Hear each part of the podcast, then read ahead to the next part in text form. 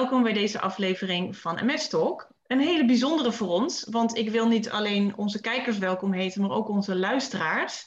Dit wordt de eerste aflevering die we niet alleen als video uitbrengen, maar waar we ook een podcast van gaan maken over een tijdje. Dus welkom, zowel kijkers als luisteraars. We gaan het vandaag hebben over MS en naasten. Een onderwerp wat ik persoonlijk zwaar onderbelicht vind.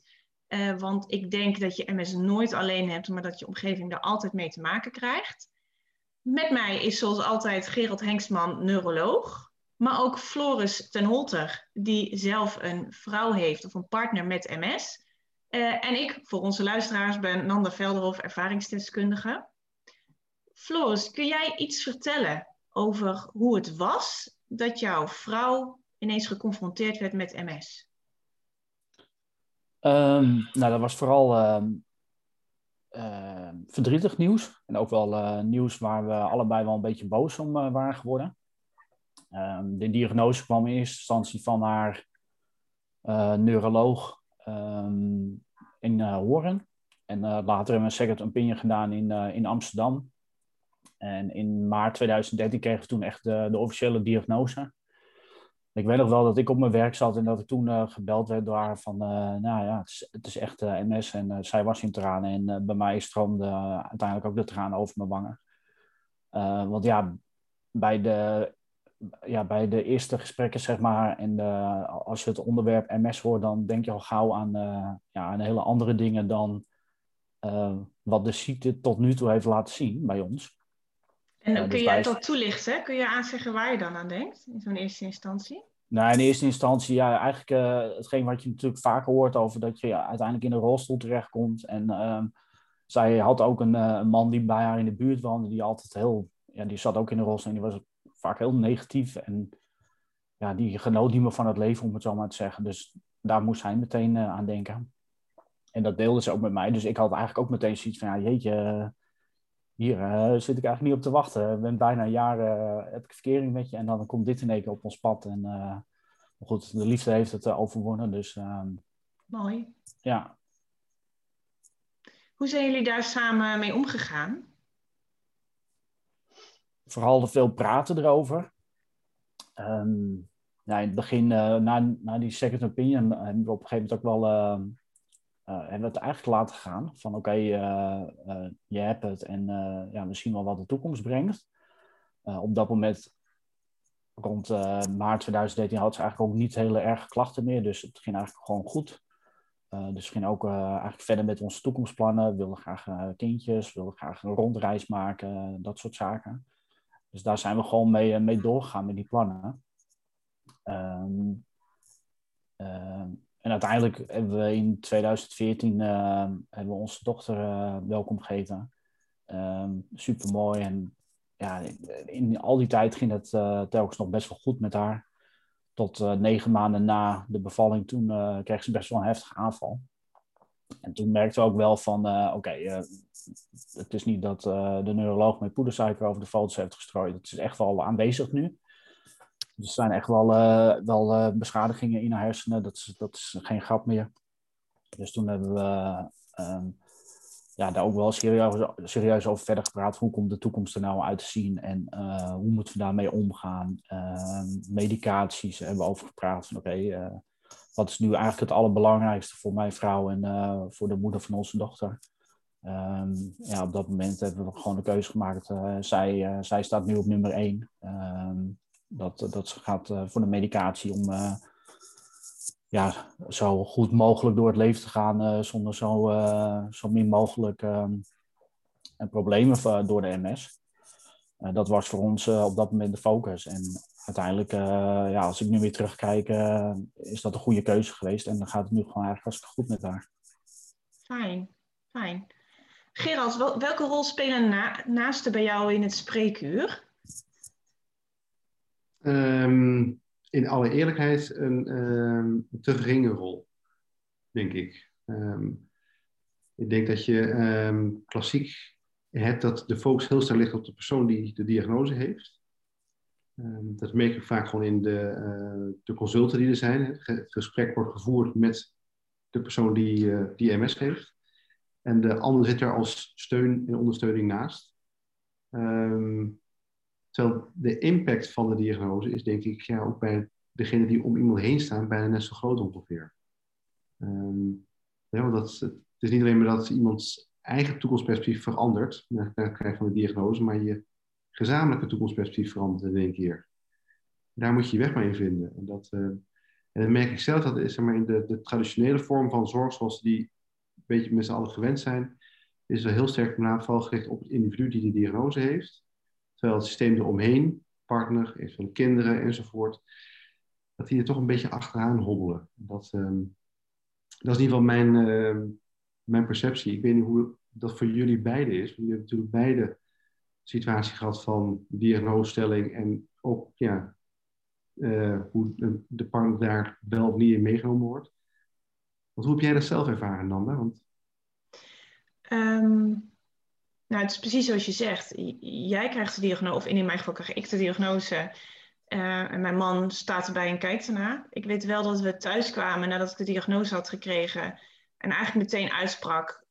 Want dat voelde ik meteen zo van ja, maar ik heb nu niet die diagnose gekregen. Wij hebben deze gekregen.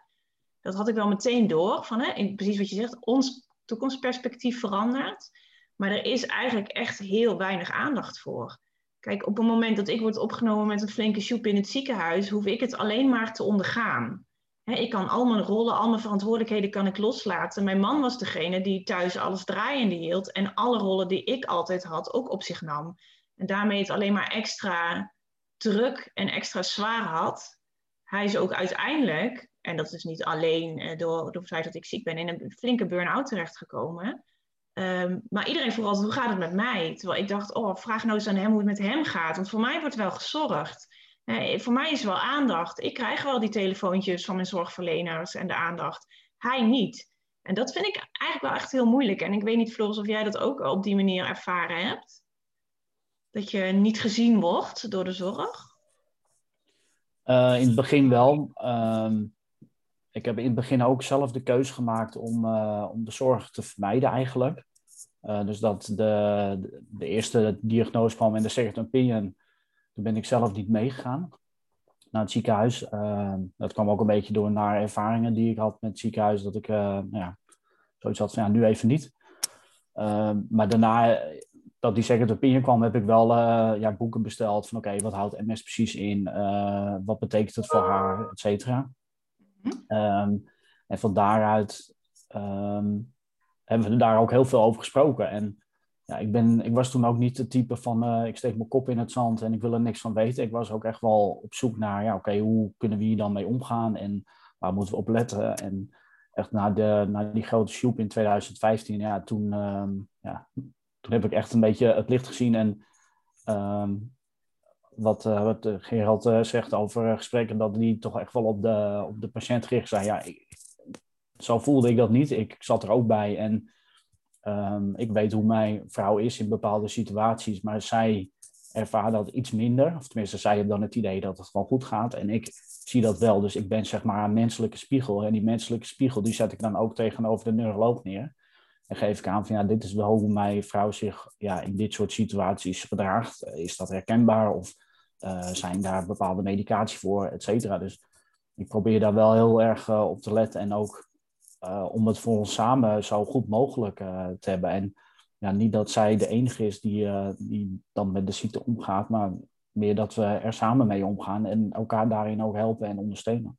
Ja. Is er iets wat jij gemist... Sorry, Gerald, ga je gang was even nieuwsgierig, omdat je uh, zei, ja, er was gelukkig wel ruimte dat jij inbreng hebt in het gesprek met de arts als het over jouw vrouw gaat. Um, maar ten van hoe het met jou is, was daar ook ruimte voor? Want je hebt maar te dealen in één keer met verder ook jouw toekomstperspectief anders in één keer werkt, onzekerheid. Uh, wat Nando ook een beetje schetst, de situatie dat ja, je soms denk ik veel meer rollen uh, op je schouders krijgt dan wat je van tevoren bedacht had. Uh, dat de focus van de buitenwereld niet naar jou toe gaat, maar naar degene naast je. Ja. Hoe, hoe, hoe, hoe, heb jij dat, dat proces ervaren? Want, ik, uh, want een van de dingen die je ook gedaan hebt, hebben we nog niet genoemd, is dat je uiteindelijk een, een platform gestart bent, juist met het idee om ja, partners van mensen met MS met elkaar te gaan verbinden. Um, ik, ik ben ook wel ehm, degene geweest binnen ons gezin die op zoek gegaan is naar een vangnet. Ehm, dus een, ouders, schoonmoeder, vrienden om ons heen. Om die om ons, om ons heen te verzamelen. Dat ja, mocht er iets gebeuren, dat, dat ik daarop terug kan vallen. Maar dat mijn vrouw er ook op terug kan vallen. En want in de gesprekken met een neuroloog merkte ik inderdaad ook wel van ja, het gaat over mijn vrouw. En ik stel dan ook wel vragen die betrekking hebben tot mijn vrouw. Ehm, maar echt de, de vraag richting mij van hey Floris, hoe gaat het met jou? En ehm, heb je een knuffel nodig of iets anders? Ja, dat is er dan eigenlijk niet. Ehm, maar door, het, ja, door er open over te praten en ook met andere mensen, uh, ja, creëerde ik voor mezelf wel een, uh, ja, een vangnet, een, een community van vrienden en dergelijke, die dan er wel voor je zijn als het nodig is. Had het helpend kunnen zijn als er al zoiets had bestaan, als er zoiets al was geweest, of als er zoiets voor jou geregeld zou zijn? Ik denk het wel. Ehm, ik weet alleen niet in welke vorm uh, het het meest passend zou zijn. Nee, en ik denk dat daar iedereen ook anders in is. Hè? Er zullen partners zijn en die, die willen er of niks van weten of hebben daar geen behoefte aan of willen dat niet. Maar ik denk dat, tenminste als ik vanuit onze eigen situatie kijk, dat daar best nog een groot gat zit wat gevuld kan worden met een stukje aandacht voor die mensen naast. En we hebben het nu over partners, hè, maar dat kan ook, kunnen ook ouders zijn. Hè? Ik weet dat het feit dat ik ziek ben ook een hele grote weerslag heeft op, uh, op, op familie en, en, en zelfs ook vriendinnen die, die, uh, die daarmee hebben geworsteld. Het zou fijn zijn als daar iets voor zou bestaan, laagdrempelig, waar daar uh, aandacht voor is. En dan zijn de partners natuurlijk de, eerste personen die er op de eerste hand het meest van meekrijgen, dus waar je het eerst aan denkt. Maar er is natuurlijk nog veel meer daarachter, hè? Ja. En wat, wat zou voor jou helpend zijn geweest? Wat heb jij gemist voor je gevoel? Je noemde net wel even vangnet, maar. Uh, vangnet, uh, kennis en ervaring van, uh, ja, vanuit de, de zorg zelf. Mm-hmm. ja, wat ik me nog heel goed kan herinneren is na die soep in 2015 dat de mesverpleegkundige ja, ons twee folders gaf van Abagio en een andere merk, weet ik even niet meer welk. Um, en dat was het eigenlijk een beetje. En er werd uitleg over gegeven van, ja, heb je nog een, een, kinderwens? Want je moet er rekening mee houden dat als je met medicatie begint, dat dat even niet kan. Um, en ja, dat het best wel een um, ongemakkelijk gesprek werd, want er werd heel erg naar mijn vrouw gekeken en ja, ook wel een beetje naar mij we zaten er allebei te huilen van, oké, wat moeten we nu? Uh, dus dat was best wel raar. En daarin, achteraf miste ik daarin wel een stukje van, ehm, ja, een soort van begeleiding vanuit de zorg. Hoe, hoe, je daarmee om kan gaan en tips en trucs. En ja, misschien dat ze er op dat moment ook wel waren. En dat ik ze ergens heb kunnen vinden. Maar ik heb ze in ieder geval niet gevonden. En dat was voor mij ook wel teken van ja, waar ben ik dan precies naar op zoek? Want een gesprek vanuit de zorg, ja, dat zou in principe wel kunnen helpen. Maar ik denk dat uiteindelijk de ervaringen van andere mensen mij nog meer geholpen hebben. Omdat die, die weten gewoon hoe het voelt. En die uh, vertellen daar dan over. En dan ja, heb je daar wel een beetje de herkenning en de erkenning in. En dat, dat, dat heeft mij echt geholpen. Oké. Okay dan sta je niet meer alleen. Hè? Dan hoor je dat uh, ja, meer mensen zijn die met dezelfde worstelingen en twijfels zitten en onzekerheden. En dat uh, dan wordt de last wordt minder groot. Ja. Hoe, hoe, zou, hoe zou het voor jouw man geweest zijn, Nanda, als, als, als die in die fase uh, inderdaad met anderen contact had kunnen hebben en over de... Voor mijn man bedoel je, hoe dat geweest was voor hem? Ja. Ik denk dat hij dat wel heel prettig had gevonden, ja. Uh, maar het, het, heeft ook met een stukje uh, erkenning ook, denk ik, te maken. Dat je als uh, partner van gewoon echt best wel iets op je bord krijgt. En het is heel lastig als daar vanuit je omgeving ook geen erkenning voor is. En als je die erkenning kunt vinden bij gelijkgestemd, dat mensen in dezelfde situatie zitten, dan is dat echt best wel heel fijn. dat iemand zegt, ja, maar het is ook moeilijk en het is ook lastig. En ehm, eh, je wordt gezien en je wordt gehoord. En ik zie wat je doet. En ik zie. Hè, want op dat moment kun je dat bij je eigen partner even niet halen. Want die zit in zijn of haar eigen ziekteproces. Ehm, dus ik denk dat daar wel echt een hele, hele grote meerwaarde te halen valt. Ja, dit, dit, is een heel cruciaal punt ook. Hè? Want um, ja. dat nog niet benoemd, maar we weten uit onderzoek ook dat als je gaat kijken bij mensen die de diagnose MS gekregen hebben, en ongeveer tien jaar na de diagnose bij de helft is de relatie uh, beëindigd. Je moet eens kijken. Dat heeft waarschijnlijk vooral te maken met het feit dat het, de diagnose komt natuurlijk in de vrij vroege fase van je relatie. Wat Floris ook noemde, ja, je bent een jaar verkering en dan komt dit in één keer op je, op je pad. Wij waren net dus, getrouwd. Dus, ja, dus je gezamenlijk fundament is nog heel, heel week wat dat betreft. Dat is natuurlijk heel anders dan op het moment dat de mensen bijvoorbeeld zo'n Parkinson krijgen als ze 65 zijn of 70 zijn. Ja, dat, dat, uh, dus die impact die is gigantisch. En als je naar onderzoek gaat kijken, dan zit er met name achter een stuk um, onzekerheid over wat die ziekte nou precies uh, inhoudt. Um, en zeker als het gaat over dingen als vermoeidheid of cognitieve klachten bij de ander. Op het moment dat je daar geen zicht in hebt als partner, dan ga je de andere dingen verwijten. Um, ja. Dus dat is mee, dus dat stuk kennis wat, uh, wat noemt, is een heel belangrijk punt. Ja, en daarnaast inderdaad het kunnen gaan delen. Hè, dat, uh, de, de, de, ervaringen kunnen delen. Dat, uh, en dat merk je helaas wel, dat zeker in de, in, de, in de chronische zorg zoals we die nu hebben, is dat een stuk partnerbegeleiding, dat is eigenlijk nog niet, nog niet goed ingericht. er zijn wel manieren hoe je dat kunt gaan doen. Soms via een psycholoog, sommige ergotherapeuten doen het enzovoort. Maar het is eigenlijk geen, het is geen standaard onderwerp. Dus je moet het zelf heel bewust en heel duidelijk zelf gaan agenderen op het moment dat je uh, een gesprek met de verpleegkundige of met de dokter van ja. daar we het ook over gaan hebben. Want dat, voor ons is dat een belangrijk punt. Hè? Want dat, uh, ja, want je noemt nog iets. Je noemde zo even terloops cognitie. Maar dat is ook nog iets wat erbij komt. Hè? Wat mijn man heel erg ervaart, is dat ik de afgelopen jaren, sinds ik mensen echt ben veranderd. Als mens. Hè? Sowieso door alles wat je meemaakt, voor iedereen verandert en groeit en, en noem maar op. Maar cognitief ben ik ook uh, veranderd. Ik heb wat meer stemmingswisselingen. Ik vergeet wat sneller dingen. Uh, daar heeft hij het ook best wel heel moeilijk mee gehad. En je moet wel echt heel goed met elkaar kunnen praten. En dat konden wij en kunnen wij gelukkig om daar echt wel samen uit te, uit te komen. Want dat is best echt wel elke keer weer een uitdaging. En dat is ook een proces wat gaande blijft, omdat ja, die ziektes die, die, die stopt niet. Of het is niet zo van, nou dit is het nu en vanaf dit punt gaan we verder. Dus je moet dat ook continu blijven doen. En ik denk, wat jij zegt Gerald, um, um, maak dat ook bespreekbaar inderdaad. Maak er geen taboe van, maar ga er inderdaad met je MS-verpleegkundige of met je neuroloog of met wie je tegenkomt, ga daarover praten. Want ik denk echt wel dat daar begeleiding in is. Maar je moet er wel naar zoeken, helaas. Het is niet dat, dat hè, zoals Floris jij zei, we kregen twee foldertjes. Eigenlijk had daar ook een foldertje bij moeten zitten. Waar kun je terecht als je even over dit soort dingen wil babbelen. al is het maar eens even met iemand waarvan je zegt van nou kunnen wij de dingen eens op een rijtje zetten en hoe hebben jullie dat aangepakt? Dat zou zo fijn zijn. Ja, klopt inderdaad. En je merkt in sommige situaties dat het al heel gauw groter wordt gemaakt. Dus dat men gaat praten over uh, uh, ja, echt psychologische begeleiding bijvoorbeeld. En ik kan me ook wel uh, voorstellen dat voor bepaalde partners dat, eh, dat dat afschrikt. Dat je denkt van wow, psychologische begeleiding. ik ben niet ziek, mijn vrouw die is ziek of mijn man die is ziek. Dus dan heb ik dat helemaal niet nodig. En dat hoeft ook helemaal niet, hè? Want het, het kan soms iets heel kleins zijn, hè?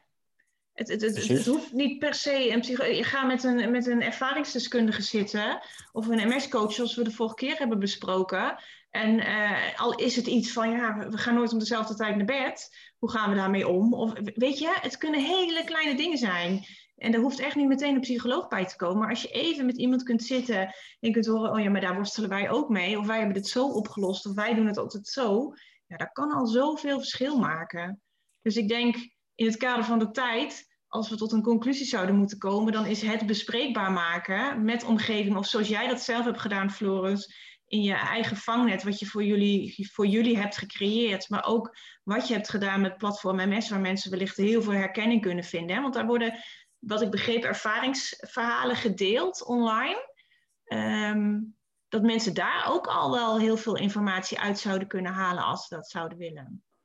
Ja, klopt. En ehm, ik heb zelf meegedaan met een uh, pilottraining bij uh, Nieuw Unicum. Uh, dat was ook gericht op, op partners van. En daar kwam ik toevallig een, een meneer tegen van een jaar of nou, begin 30 geloof ik. En die had best wel wat moeite met de ziekte van zijn vrouw. waarin hij aangaf, ja, zij zet bijvoorbeeld de mes verkeerd om in de vaatwasser.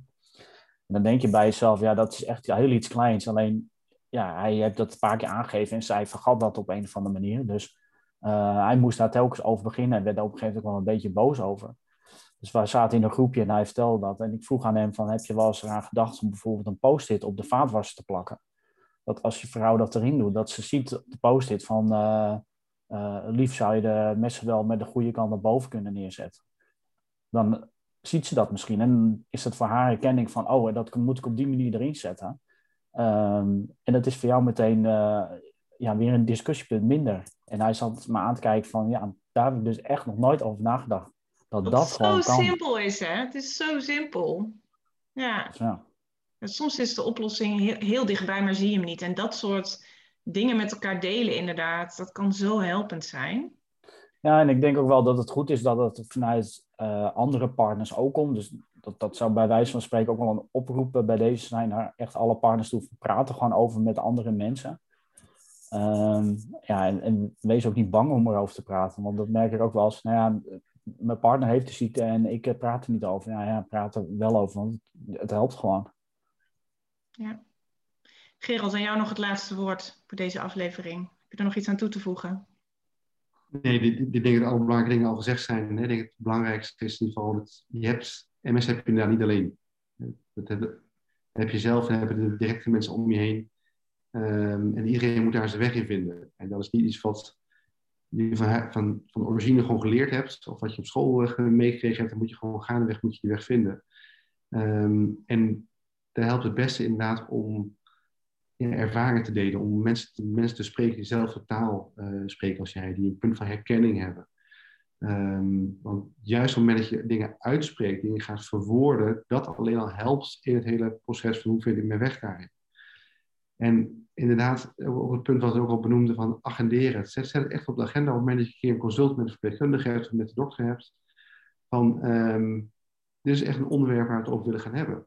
hoe gaat, uh, wat is de impact van de diagnose op, uh, op mijn man? En hoe was de impact op, van, de diagnose op onze kinderen?